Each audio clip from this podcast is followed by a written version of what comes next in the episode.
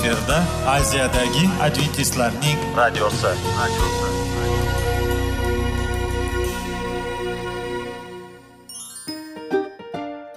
Assalomu alaykum aziz radio tinglovchilar. Sog'liq daqiqasi rubrikasiga xush kelibsiz. Zero tananing sog'lom bo'lishi va uning kasalliklardan saqlash har bir insonning burchi hisoblanadi.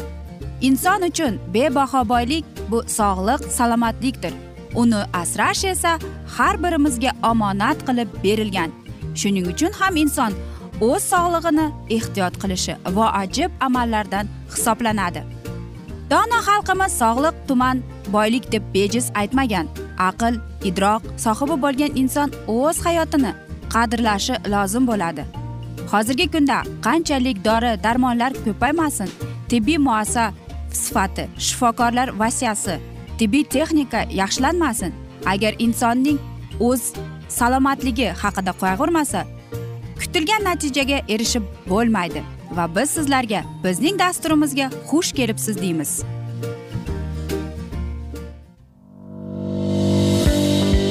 Sog'liq daqiqasi soliqning kaliti qiziqarli ma'lumotlar faktlar. Har kuni siz uchun foydali maslahatlar. Sog'liq daqiqasi rubrikasi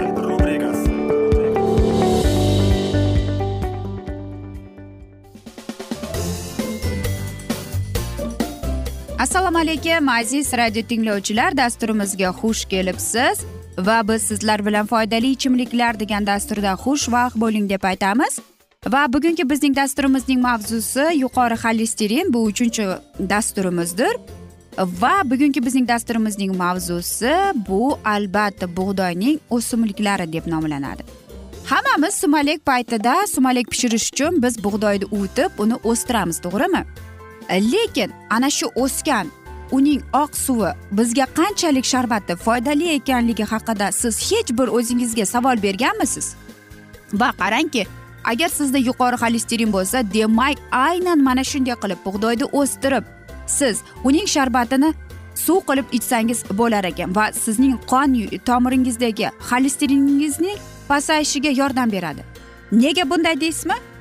Chunki undagi judayam ko'p tabiiy e, minerallar vitaminlar va xlorofil bor ekan.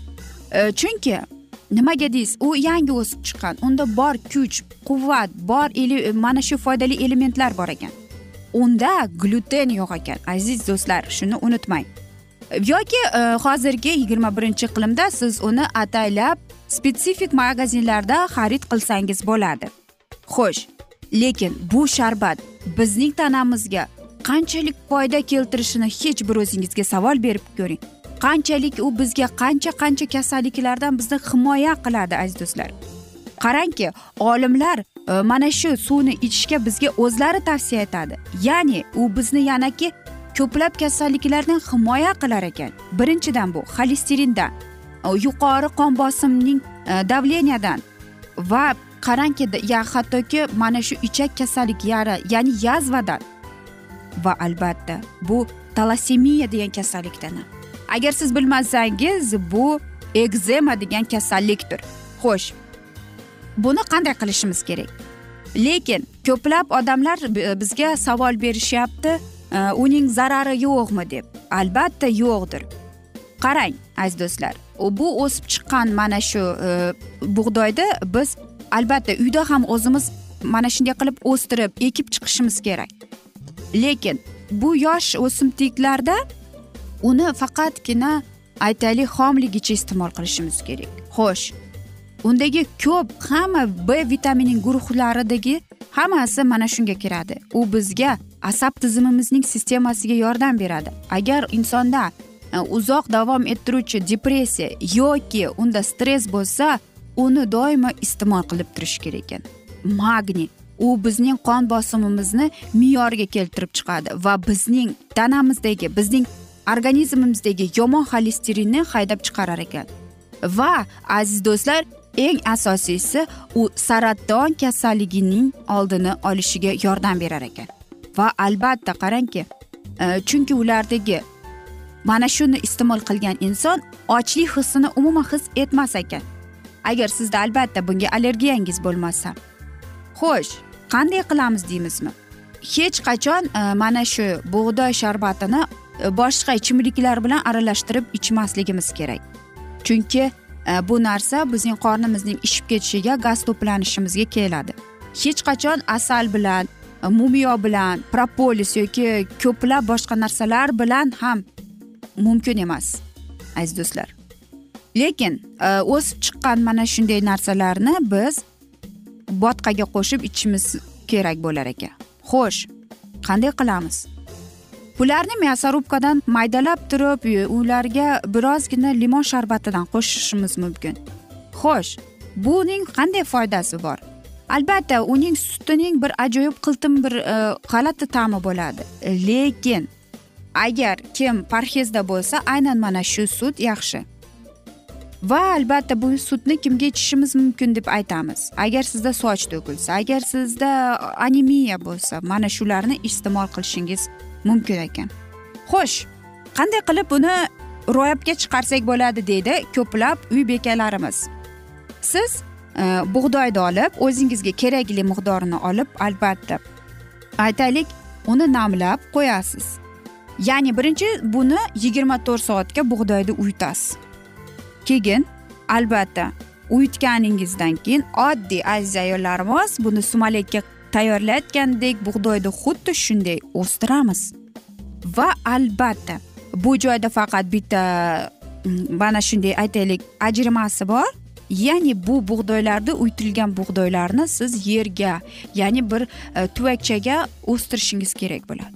Va qarangki qachonki bug'doy o'sib chiqqanda ya'ni bir ikki santimetr bo'lganda ularni quyosh nurlaridan saqlashingiz kerak bo'ladi. Va qarangki mana shu o'simliklar o'n besh o'n santimetr bo'lishi kerak ekan uzunasiga. Va albatta mana shundagi siz buni olib turib sharbat chiqaruvchi uskunaga qo'shib turib mana shu o'sganlarning e, sharbat qilib ichishingiz kerak ekan. Mana shundagina sizga yordam beradi. Aziz do'stlar albatta bu faqatgina bizning sizlarga bo'lgan e, bir aytaylik tabiiy vosita sifatida maslahatimizdir. Va qarangki agar siz mana shu sharbatdan aytaylik qo'llanmoqchi bo'lsangiz boshidan siz o'ttiz milligramdan boshlashingiz mumkin. Va keyinchalik siz mana shu o'zingizning dozangizni oshirishingiz mumkin. Aziz do'stlar biz esa mana shunday asnoda aytishadiki hamma yaxshi narsaning ham yakuni bo'ladi degandek afsuski bizning dasturimizga ham yakun kelib qoldi chunki vaqt birozgina chetlatilgan. Lekin keyingi dasturlarda albatta mana shu mavzuni yana o'qib eshittiramiz. Va sizlarda o'ylaymanki savollar paydo bo'ldi. Agar shunday bo'lsa biz sizlarni salomat klub internet saytimizga taklif qilib qolamiz. Va umid qilamiz siz bizni tark etmaysiz deb chunki oldinda bundanda qiziq va foydali dastur kutib kelmoqda deymiz. Biz sizlarga sog'lik salomatlik tilagan holda xayrlashib qolamiz.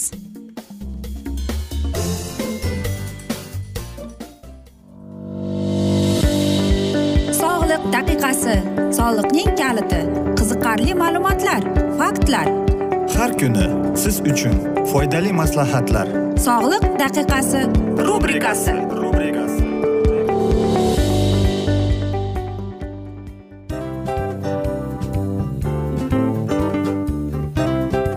mana ha hayotda hamma narsaning yaxshi narsalar tugaydi va yakunlaydi degandek bizning dasturimizga ham yakun keldi.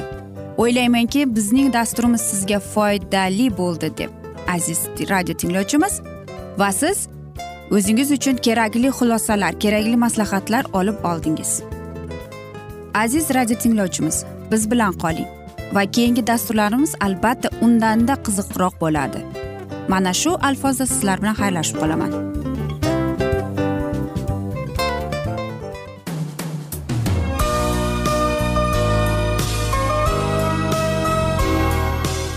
Efirda aziyadagi adventistlarning radiosi.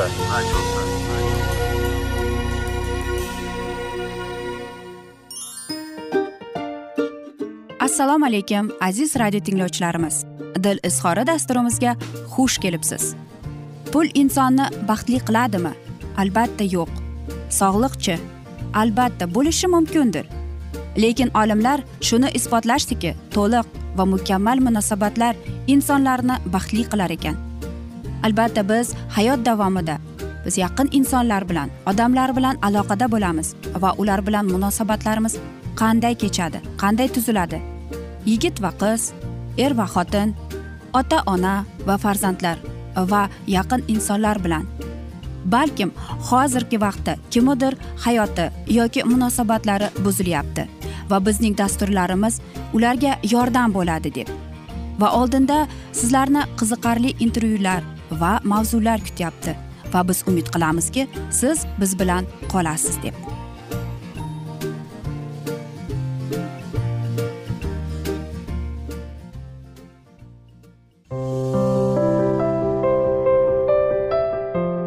Kuni har xil kasbdagi odamlar bilan sirlashish va bo'lishish sevgi rashq munosabat bularni hammasi dil izhori rubrikasida.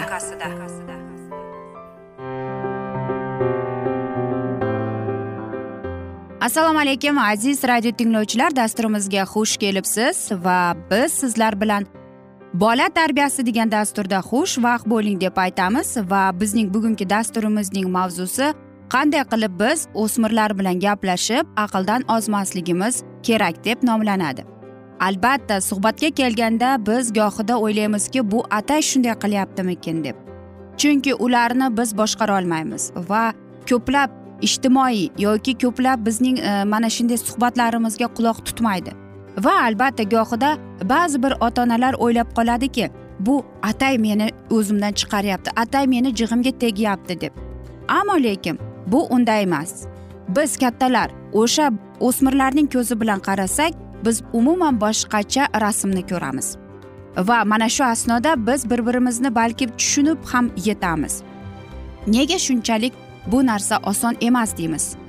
Agar biz uh, googlega yoki har bir internetga kirib turib e, biz mana shu so'zni qanday qilib biz o'smirlar bilan suhbat qilsak ekan deb yozganimizda bizga ko'plab adreslarni beradi ko'plab ссылкаларni beradiki va ko'plab e, maslahatlar beriladi.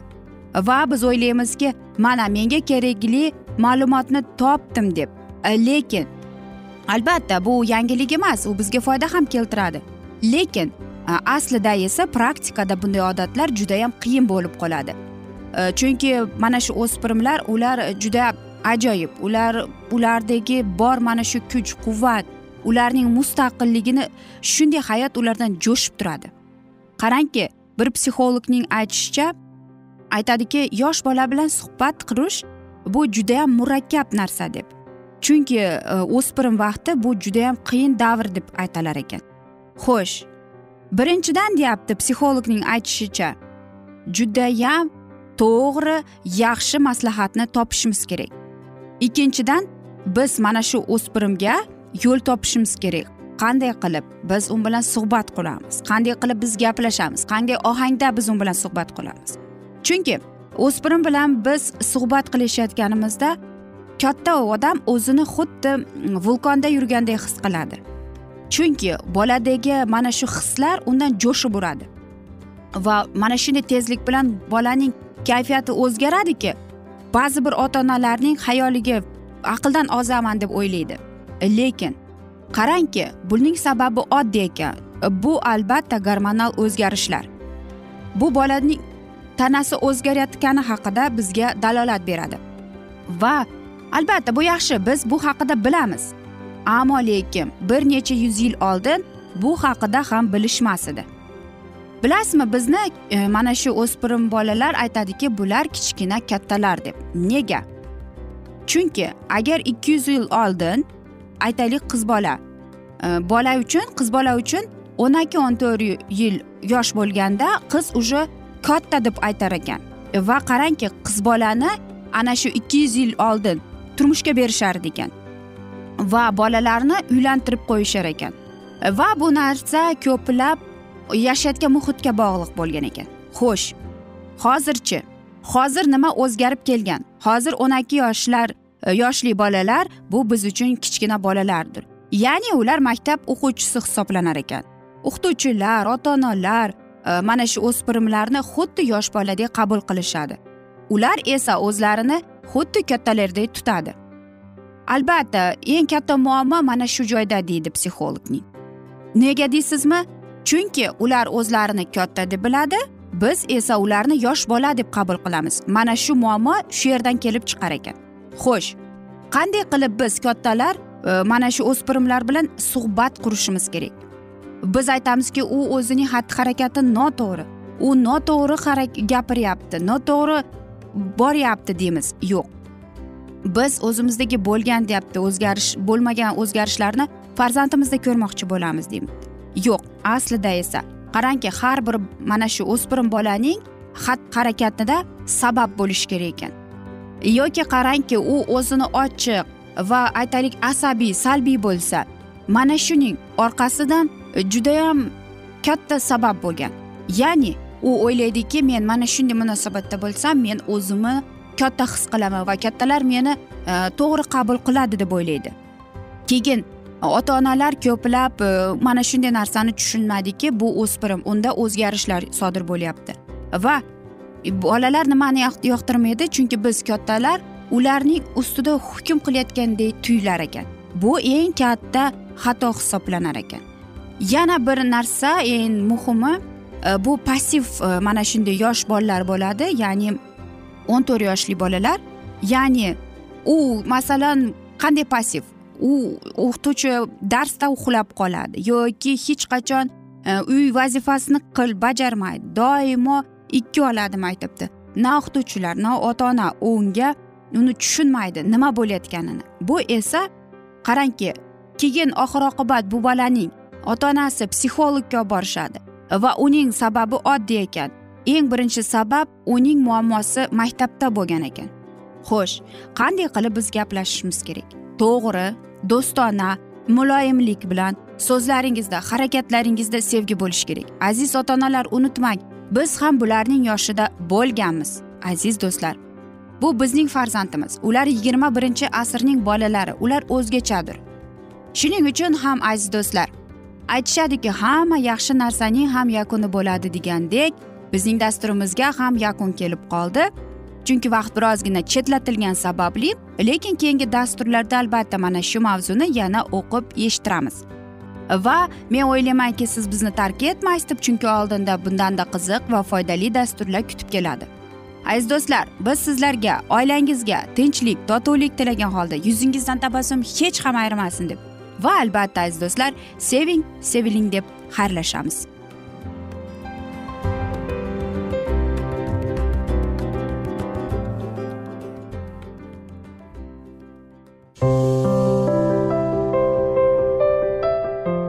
Kuni har xil kasbdagi odamlar bilan sirlashish va bo'lishish sevgi rashq munosabat bularni hammasi dil izhori rubrikasida. Mana aziz radio tinglovchimiz bizning go'zal va foydali va chiroyli dasturimiz yakunlanib bormoqda. Sizlarga birozgina maslahat berib o'tmoqchi edik. Bir biringizni seving. Qadringizga yeting. Va erkalang albatta bir biringizni va sizga judayam chiroyli va mustahkam munosabatlar tilab qolamiz albatta. Sevgilingiz doimo yoningizda bo'lsin. Mana shu borada sizlar bilan xayrlashib qolamiz. Xayr.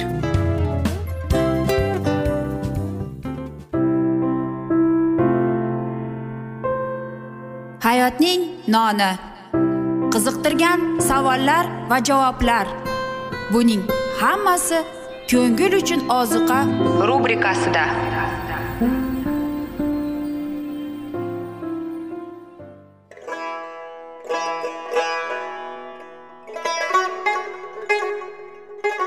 Assalomu alaykum aziz radio tinglovchilarimiz. Ko'ngil uchun oziqa rubrikasida xush kelibsiz deymiz. Siz haqiqatni izlayapsizmi? Olamnimi? Umidnimi siz kimga murojaat qilmoqchisiz? Odamlar ko'pincha siyosat kuchiga tayanadilar. Dunyo iqtisodiyoti holati tobora chuqurlashib bormoqda. Tabiiy ofatlar va texnogen halokatlar minglab insonlarning hayotini olib ketib juda katta zarar yetkazmoqda. Sizga abadiy hayot inomini hadya qiluvchi va hayotingizni tubdan o'zgartiruvchi haqiqatni izlab toping. Xudo haqidagi haqiqat uning kalomida mujassamlashgan. Kimki bu haqiqatni butun qalbi bilan izlasa albatta unga yetishadi. Bu sevgi xudoning tarixidir. Hayotingizda yoki sizning yon atrofingizdagi olamda nimalar yuz berishidan qat'iy nazar? Siz ertagi kunga buyuk umid va ishonch hosil qilishingiz mumkin. Hozirda xudo sizga taklif qilayotgan umid ishonchga o'z qalbingizni oching va sizni qiziqtirayotgan mavzularni savollaringizga javoblaringizni topib olasiz deb umid qilamiz. Biz bilan qoling.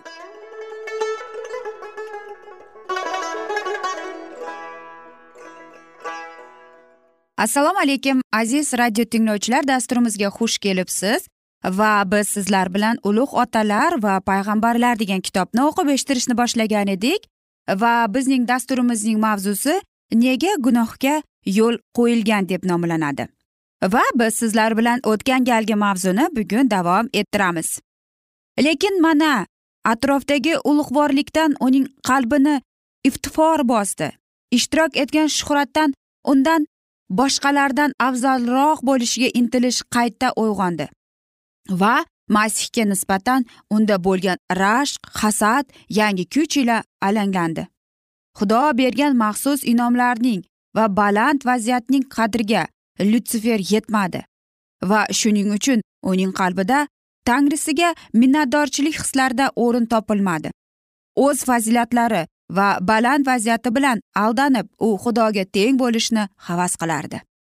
Samoviy qo'shnilar uni sevardilar va hurmat qilardilar. Farishtalar sevinch bilan uning buyruqlarini ijro etardilar. U hammadan ko'p donolikka yetishib shon sharafga to'la edi. Lekin otasiga teng bo'lgan xudoning o'g'li kuch va hokimiyatga undan baland edi. Masih o'z otasining kengashlarida ishtirok etardi lekin lyutsiferga ilohiy rejalar ochiq emasdi. Nima uchun masih oliy hokimiyatga ega bo'lishi kerak deb so'rardi u bu buyuk farishta? Nima uchun u mendan ko'proq saltanatga ega derdi?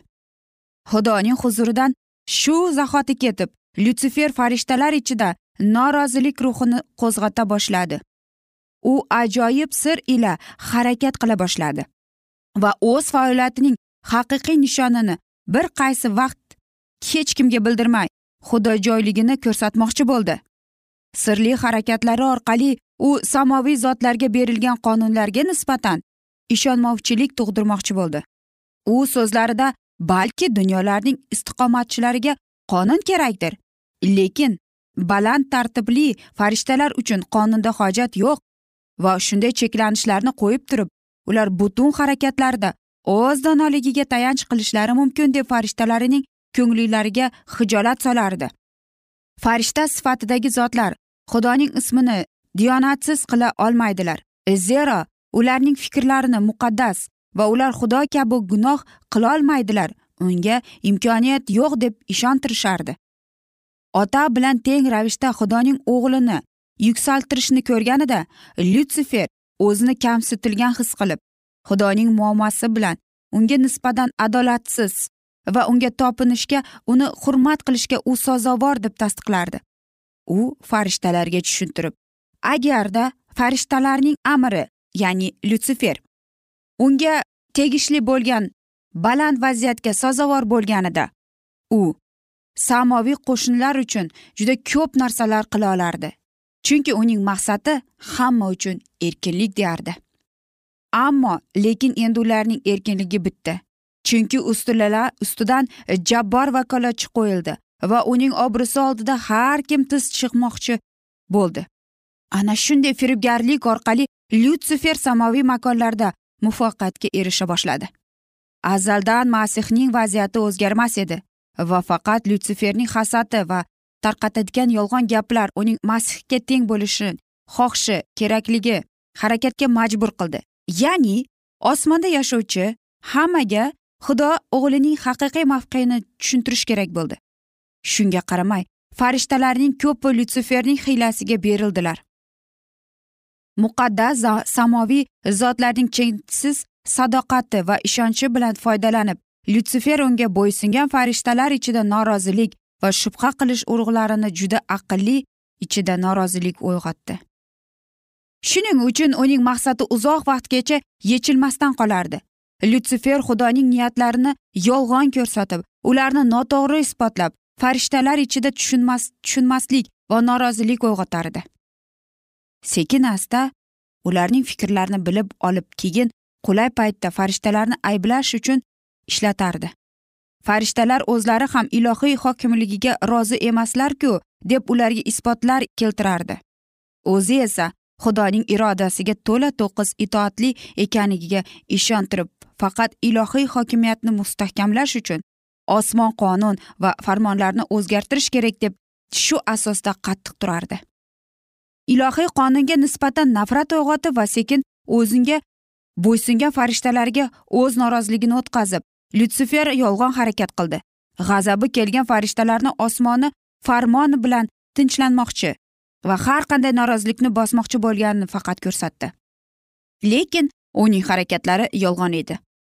Norozilik va isyon ruhi sirli ravishda chiqarib u bir paytda yagona nishonim sadoqatli bo'lib tinchlik va rozilikni saqlash deb atrofdagilarni ishontirishga tirishdi shunday qilib tarbiyalangan norozilik ruhi o'z nobud qilish harakatini boshladi. Haligacha bitta ham ochiq isyon ko'tarilmagan edi lekin to'qnashuv bilinmas farishtalar ichra rivojlana boshladi. Shundaqalar topildiki lyutsiferning xudo hokimiyatiga qarshi pichirlashiga ixtiroriy ravishda quloq solardilar. Xudovand tomonidan osmonda o'rnatilgan tartib bilan ular oldin bartaraf kelishgan bo'lsalar endi esa norozilik holatda tushib ular inson ongi bilan yetishib bo'lmaydigan xudoning sirlarida qatnashgani imkoniyatlari bo'lmagan sababli azob cheka boshladilar. Aziz do'stlar mana shunday asnoda biz afsuski bugungi dasturimizni yakunlab qolamiz chunki vaqt birozgina chetlatilgani sababli lekin keyingi dasturlarda albatta mana shu mavzuni yana o'qib eshittiramiz. Va sizlarda savollar tug'ilgan bo'lsa biz sizlarni adventis tochka ru internet saytimizga taklif qilib qolamiz. Va umid qilamiz siz bizni tark etmaysiz deb chunki oldinda bundanda qiziq va foydali dasturlar kutib kelmoqda. Sizlarga va oilangizga tinchlik tilagan holda xayrlashib qolamiz.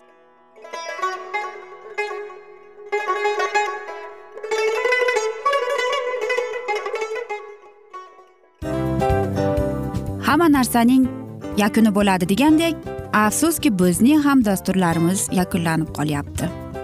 Va biz o'ylaymizki bizning dasturimizdan o'zingiz uchun kerakli va foydali maslahatlar olib oldingiz. Sog'liq borasida sizga foydali maslahat berganmiz deb umid qilaman albatta. Va sizlarga mana shu borada sog'liq tilab qolaman. Munosabatlarga kelganda esa sizlarga sevgi omad va albatta yaxshi munosabatlar tilab qolamiz. Uchinchisiga kelganda esa bu juda chuqur va e'tiborli nazarni qumsaydi. Va sizlarga mana shu yaxshilik kayfiyatda sizni kayfiyatingizni ko'targan holda sizlar bilan xayrlashib qolaman afsuski. Ammo lekin keyingi dasturlarimiz undanda qiziq bo'ladi. Va siz biz bilan bo'ling. Bizni tanlaganingiz uchun sizlarga rahmat. Omad sizlarga. Xayr.